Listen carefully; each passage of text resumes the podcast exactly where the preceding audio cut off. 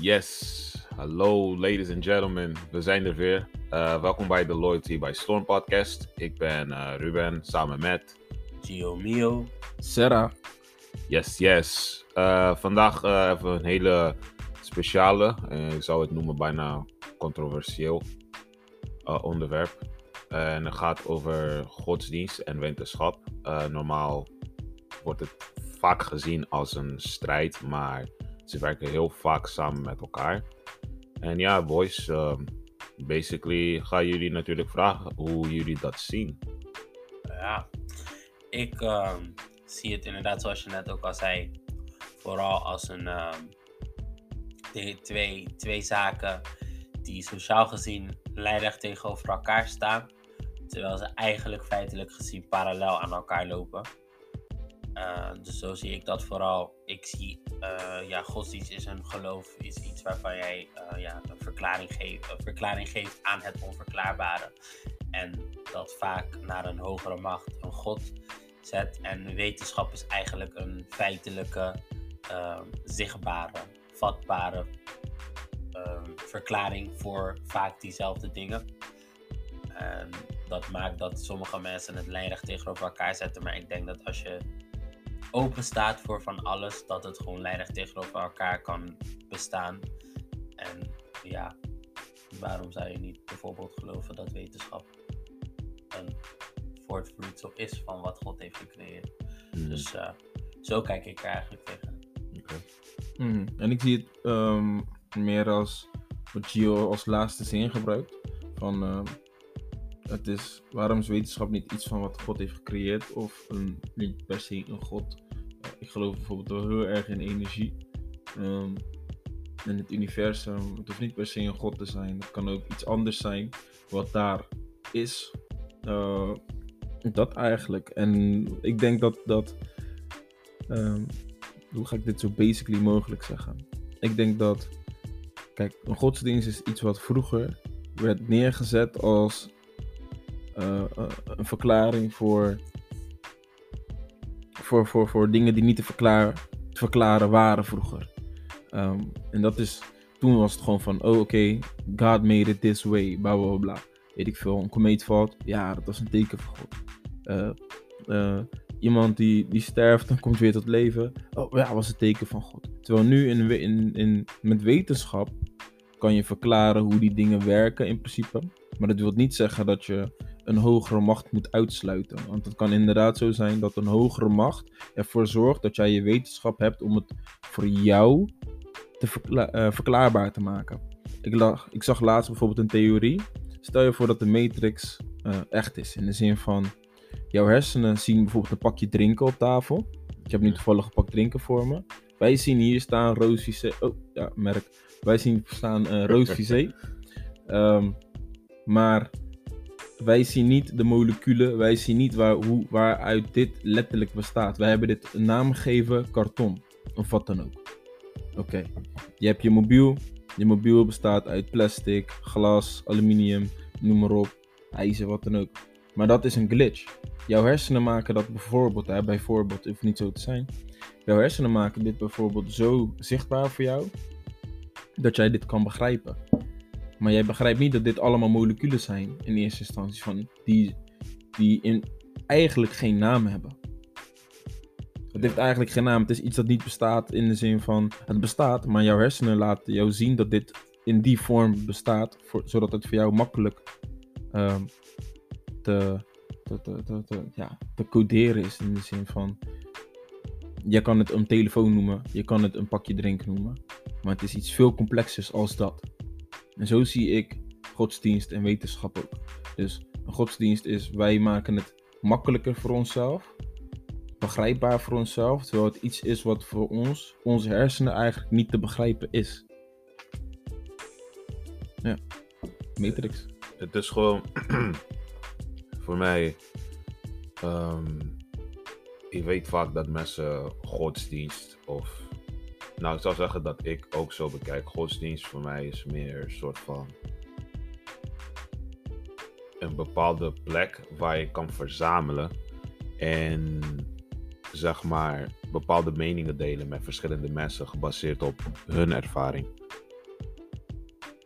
En ik bekijk dingen niet meer soort van een bepaalde relatie hebben met de hogere macht. Ik zie het meer als spiritualiteit in plaats van godsdienst. Want ja, godsdienst is meer een kwestie van een bepaalde routine, zou ik zeggen. Uh, je doet wat je moet doen om ervoor te zorgen dat je een soort van in toon bent met je energie en alles en nog wat. Maar spiritualiteit is juist wanneer jij dingen voor jezelf gaat uitzoeken. En met wetenschap is precies hetzelfde. Als we bijvoorbeeld kijken naar uh, Albert Einstein, uh, is een hele goede voorbeeld. Hij heeft een theorie bedacht of uitgevonden. En het is een theorie van relativiteit. Maar het blijft een theorie. Het is niet een feit.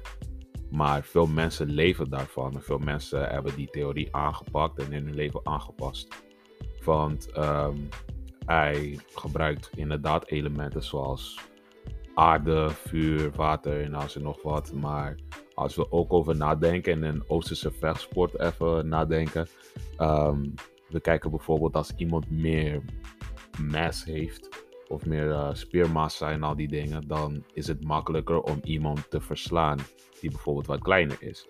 Maar het is niet totaal zo. Want daar haal je wel iets uit uh, de berekening en dat is ziel. Want iemand die klein is en die heeft een grotere ziel dan iemand die groot is met een kleine ziel, gaat hem altijd verslaan. Mentaal. Ja. Mentaal gezien kan die persoon, zo zie ik het dan, kan die persoon die kleiner is met een grotere vechters spirit, is in principe een, een, ja, een sterkere ziel, zou die persoon kunnen verslaan met een wat mindere ziel op dat moment, mentaal. Maar dat neemt niet weg dat de persoon die meer massa heeft, uh, iemand met minder massa fysiek kan verslaan. Hè? Nee, totaal niet. Maar we hebben vaak natuurlijk gezien dat het dat wel gebeurt. Vooral, mm-hmm. want alles begint uh, vooral in je geest voordat je actie onderneemt. 100. Bijvoorbeeld, we kijken naar een, uh, weet ik veel, als ik een, een UFC fighter zet als een uh, Alistair Overeem mm-hmm. tegen Bruce Lee. Ja, we weten who's gonna, who's gonna win. Mm-hmm. Ja. Oké, oké, oké. En uh, hoe, hoe zie jij verschillende godsdiensten eigenlijk? Want je hebt verschillende godsdiensten. Je hebt natuurlijk het Jodendom en verschillende gradaties. Je hebt het christendom in verschillende gradaties. Je hebt, ja, noem maar op man. Je hebt, je hebt het islam ook in verschillende gradaties. Oh, ja. Je hebt, in iedere geloof zitten er eigenlijk verschillende gradaties. En wat ik al eerder zei, ik zie dingen gewoon als, weet toch, wij geven het een naam, wij vertalen het. Um, en we maken het begrijpbaar voor ons in, in, in het hier en nu. Maar wat voor ons nu de vertaling is, hoeft niet de vertaling voor over 10 tot 20 jaar te zijn. Misschien over 5 jaar is die vertaling van de Bijbel, de Koran of wat dan ook totaal anders. Omdat taal zich dagelijks blijft evolueren. Taal blijft zich dagelijks aanpassen. Weet je? En ik denk dat dat ook de grootste misverstand is en waarom zoveel godsdiensten bestaan. Mm Um, het is een hele groot, goede voorbeeld van de Bijbel, bijvoorbeeld uh, Genesis. Die legt heel in Jip en Janneke taal hoe aarde werd gemaakt. Wij weten dat bijvoorbeeld in de Bijbel wordt geschreven dat uh, God de aarde heeft gecreëerd in zes dagen en dan de zevende dag nam hij rust. Mm Maar wij moeten begrijpen dat, hoe jij bijvoorbeeld had gezegd, dat de taal wordt constant aangepast. Dat dagen in die tijd betekende periode. Maar een mhm. periode in die tijd kon jaren zijn, kon eeuwen zijn. Dus wij kon wisten niet, totaal niet. Dus mhm. dan komt natuurlijk wetenschap in. Want bijvoorbeeld, uh, er zijn heel veel wetenschappers tegenwoordig die denken dat er inderdaad een hoge intelligentie moet bestaan om bepaalde dingen te creëren. Want zelfs op het heelal heeft, hebben we regels die we moeten volgen. Uh, de zon heeft een bepaalde wet die moet volgen, want anders ging hij ook heen en weer zweven. Dus er moet sowieso iets zijn die dat controleert, om ervoor te zorgen dat we niet vandaag uh, doodgaan van de kou en dan morgen mhm. zijn we allemaal deep fried. Ik bedoel, mm er moet iemand zijn die dat controleert. Ja, de universele wetten die zijn in principe gebaseerd op wetenschap, maar wetenschap is eigenlijk niets anders voor ons als um, regels om het onbegrijpelijke begrijpbaar te maken. Ja, de handleiding. Exactly. Kijk, en dat is ook waarom ik um, aangaf van het staat vaak, ze staan vaak lijnrecht tegenover elkaar. Uh, maar um, de enige reden dat wetenschap en godsdienst lijnrecht tegenover elkaar staan, is omdat vanuit de godsdienst mensen met een hard hoofd niet willen accepteren dat iets met de wetenschap bewezen is. En vanuit de wetenschap met een heel hard hoofd eigenlijk niet willen accepteren dat er meer achter zit dan wat jij hebt ondervonden. Ja. En een heel sterk voorbeeld wat je daarvan kan geven zijn bijvoorbeeld mensen die um, heel streng gelovig zijn um, en dan ziek worden, maar niet geloven in de moderne medicijnen. Uh, want een God zal het wel oplossen. En ik snap die gedachtegang, maar ik vraag me dan af, waarom, zet je, waarom stel je jezelf dus niet open dat de manier waarop God jou geholpen heeft, de toegang tot moderne medicijnen is? Ja. Dus waarom? Omdat het dus niet uh, onverklaarbaar bij jou terecht is gekomen, want dat is het eigenlijk. Net als, dat ze, net als de, de manier waarop Maria zwanger zou zijn geraakt van Jezus. Dat is ja, een, een engel die op bezoek kwam, dus eigenlijk op een onverklaarbare manier. Dus omdat het niet op een onverklaarbare manier is gebeurd, komt het niet van God. Dat is wat heel veel mensen denken. Ja. Um, en die gedachtegang maakt dat godsdienst en wetenschap zo lijnrecht tegenover elkaar staan. Mm -hmm. Je hebt ook een verhaal van een, een man die uh, op zee is en ze met een bootje en hij zinkt. Dat bootje is aan het zinken. En dan dat hij gaat bidden tot God om hem te helpen. En dat er tot drie keer toe uh, schepen voorbij komen en dat hij die afwijst, want God zal hem helpen. En op het moment dat hij komt te overlijden en naar God vraagt waarom heb je me niet geholpen en hij als reactie krijgt, ja ik heb drie boten je kant op gestuurd. En dat is een mop wat mensen vertellen. Ja.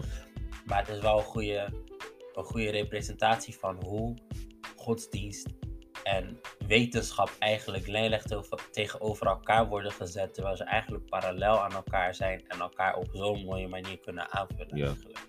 Het, is, het is inderdaad hoe je dit hebt verwoord. Laat me ook denken aan uh, hoe ik bijvoorbeeld denk dat God werkt.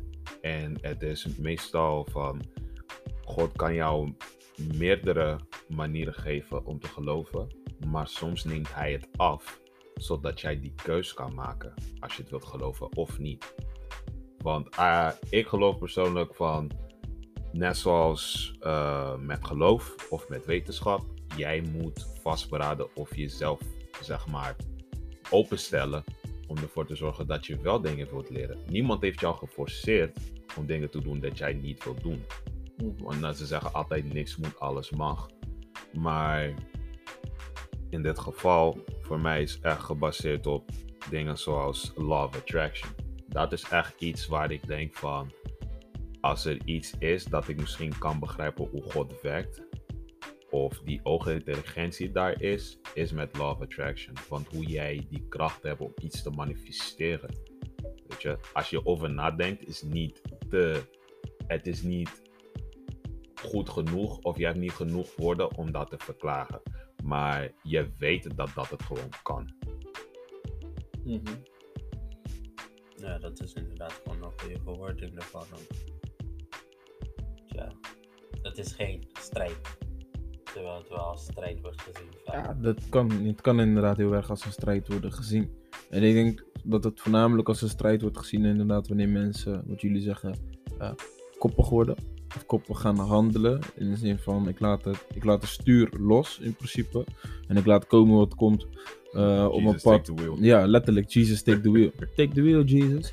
Ik denk dat mensen dat echt doen, man. En nog steeds in de hedendaagse tijd. Als je kijkt bijvoorbeeld naar de Amish-cultuur. Dan Oeh. is het letterlijk Jesus, take the wheel.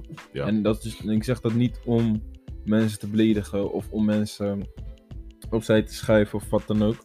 Maar dat is heel... Uh, heel het is, het is wat het is. Het is wat het is. Ja. Toch, ja, in bepaalde culturen of in bepaalde geloofsettings. Um, en voornamelijk in, in, in het oude stijl van geloven. Zie je dat mensen heel erg de stuur loslaten. Maar in de nieuwe stijl van geloof. En er is geen oud en nieuw, basically. Maar je, je ziet gewoon dat de mensen die up-to-date zijn. De mensen die in van hedendaagse tijd opgroeien met een bepaald geloof, zich niet meer zo vastklampen aan het geloof. True. Zij klampen zich meer vast aan wat nu heel booming is, denk ik. Ehm, energy. Ehm, zelf ontdekken wat, wat, eh, eh, eh, ehm, wat, wat er staat in, in, in het heilige boek. Maakt niet uit van welk geloof. Ieder geloof heeft een heilig boek. Ja. Dus wat staat er nou precies? Hoe interpreteer jij het zelf? En wat ga je daarmee doen? Ja.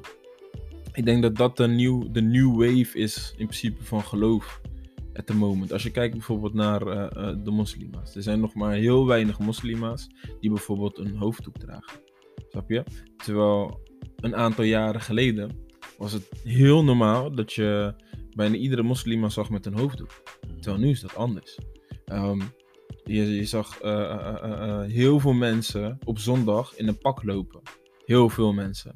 Nu, in deze hedendaagse tijd, zie ik heel weinig mensen met de pak lopen. Niet alleen omdat het corona is, hè. Zie je mensen met, niet met de pak of wat dan ook, maar daarvoor ook.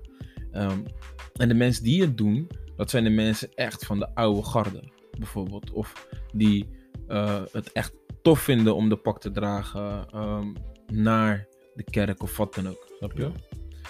Dus ik denk er is een nieuw wave van geloof opkomend. Tenminste, een nieuw wave van gelovige mensen. Mhm. Die het geloof op een andere manier representen. En als je er zo naar kijkt, denk ik dat als je terugkijkt in de tijd, dat dat altijd ook al zo is geweest. Er zijn- er zijn altijd mensen die het geloof representen op een heel andere manier, een heel ander niveau.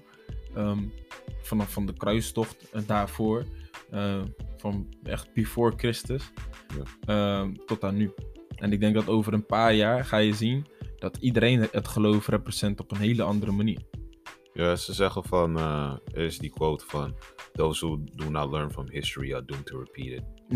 En ik denk niet dat dat de bedoeling is van de Bijbel, bijvoorbeeld. En veel mensen vergeten dat het een Oud Testament is en een Nieuw Testament. En wat dat houdt in, dat de tijden veranderen. Eh, mensen blijven zich, eh, veel mensen blijven zich zo vastklemmen aan, maar de Bijbel zegt dit, maar de Bijbel zegt dat. Maar omdat je handleiding krijgt, of bijvoorbeeld, eh stel voor wanneer je een computer binnenkrijgt, je hebt een handleiding die jou helpt in het begin, maar daarna moet je zelf weten hoe je met die computer moet omgaan. Ehm, en voor mij, wat, mij, wat bijvoorbeeld voor mij heeft gewerkt, is. Ik heb heel vaak met mensen besproken over deze onderwerp. En het is niet per se dat ze niet geloven dat er God is. Soms geloven ze niet in een God dat hun werd aangeleerd. Mhm. Want er zijn sommige situaties. En geloof me wanneer ik dat zeg, het is niet voor iedereen bedoeld. Het is mijn ervaring en dat is hoe wij dingen zien. Veel mensen maken veel misbruik van de kennis dat ze hebben. En zetten ze, dan gebruiken ze dat als macht om natuurlijk mensen onder zichzelf te zetten, zodat ze beter over zichzelf voelen. Uh, bijvoorbeeld, Mhm. ik heb heel talloze situaties gehad waar ik bijvoorbeeld vragen had. Want je mag gewoon vragen, oké, maar waarom is in de Bijbel zo gebeurd? Waarom is in de Bijbel dit gebeurd? En veel mensen gaan gewoon zeggen van ja, maar je, je moet dat niet vragen, je moet het gewoon doen. Ja, Maar ik heb, gewoon, ik heb toch geen keuzevrijheid voor niks gekregen. Ik moet weten wat ik daaraan toe sta. Ik, je hebt gewoon dat recht. En God is niet naar beneden gekomen en tegen jou gezegd van je mag alleen maar dit, dit en dit doen. Je hebt niks voor niks een brein daarbinnen. Het is gewoon van make a choice. Uh, beslis wat het beste voor jou is. Want ondanks dat wij misschien in dezelfde pad kunnen lopen, het betekent niet meteen dat ik uh, um, precies hetzelfde moet doen. Want één ding is dat wij allemaal vrede willen hebben, Mhm. maar gelukkig zijn is individueel. klopt. Gelukkig zijn is voor de individu. Ehm, ja, het, ik, maar het stukje geloof zelf nu. ehm, ja, ik denk dat we dat al genoeg hebben geelaborate van hoe wij denken over het stukje geloof. Gio heeft wat gezegd, Ruben heeft wat gezegd. Ik heb natuurlijk ook wat gezegd over het stukje geloof. We hebben een stukje wetenschap behandeld. Ehm, en kijk, we zijn ook geen wetenschappers. Eh, we zijn alle drie jongens die een stukje eh, geloof in de opvoeding hebben meegekregen. De een wat meer dan de ander. En eh, ja, dit was in principe ons, kijk op wat wij meemaken en wat wij hebben geleerd over het geloof. En ehm, ja, ik wil jullie vast bedanken voor het luisteren. Ik geef het over aan Gio. Yes man, thanks. Mooie afsluiting. Dit was het voor deze week. Volgende week zijn we weer terug met een nieuw onderwerp. Stay tuned. En eh, voor nu eh, was dit eh, Gio Mio Ruben. Sarah. met de Loyalty by Storm podcast. Just had to do it.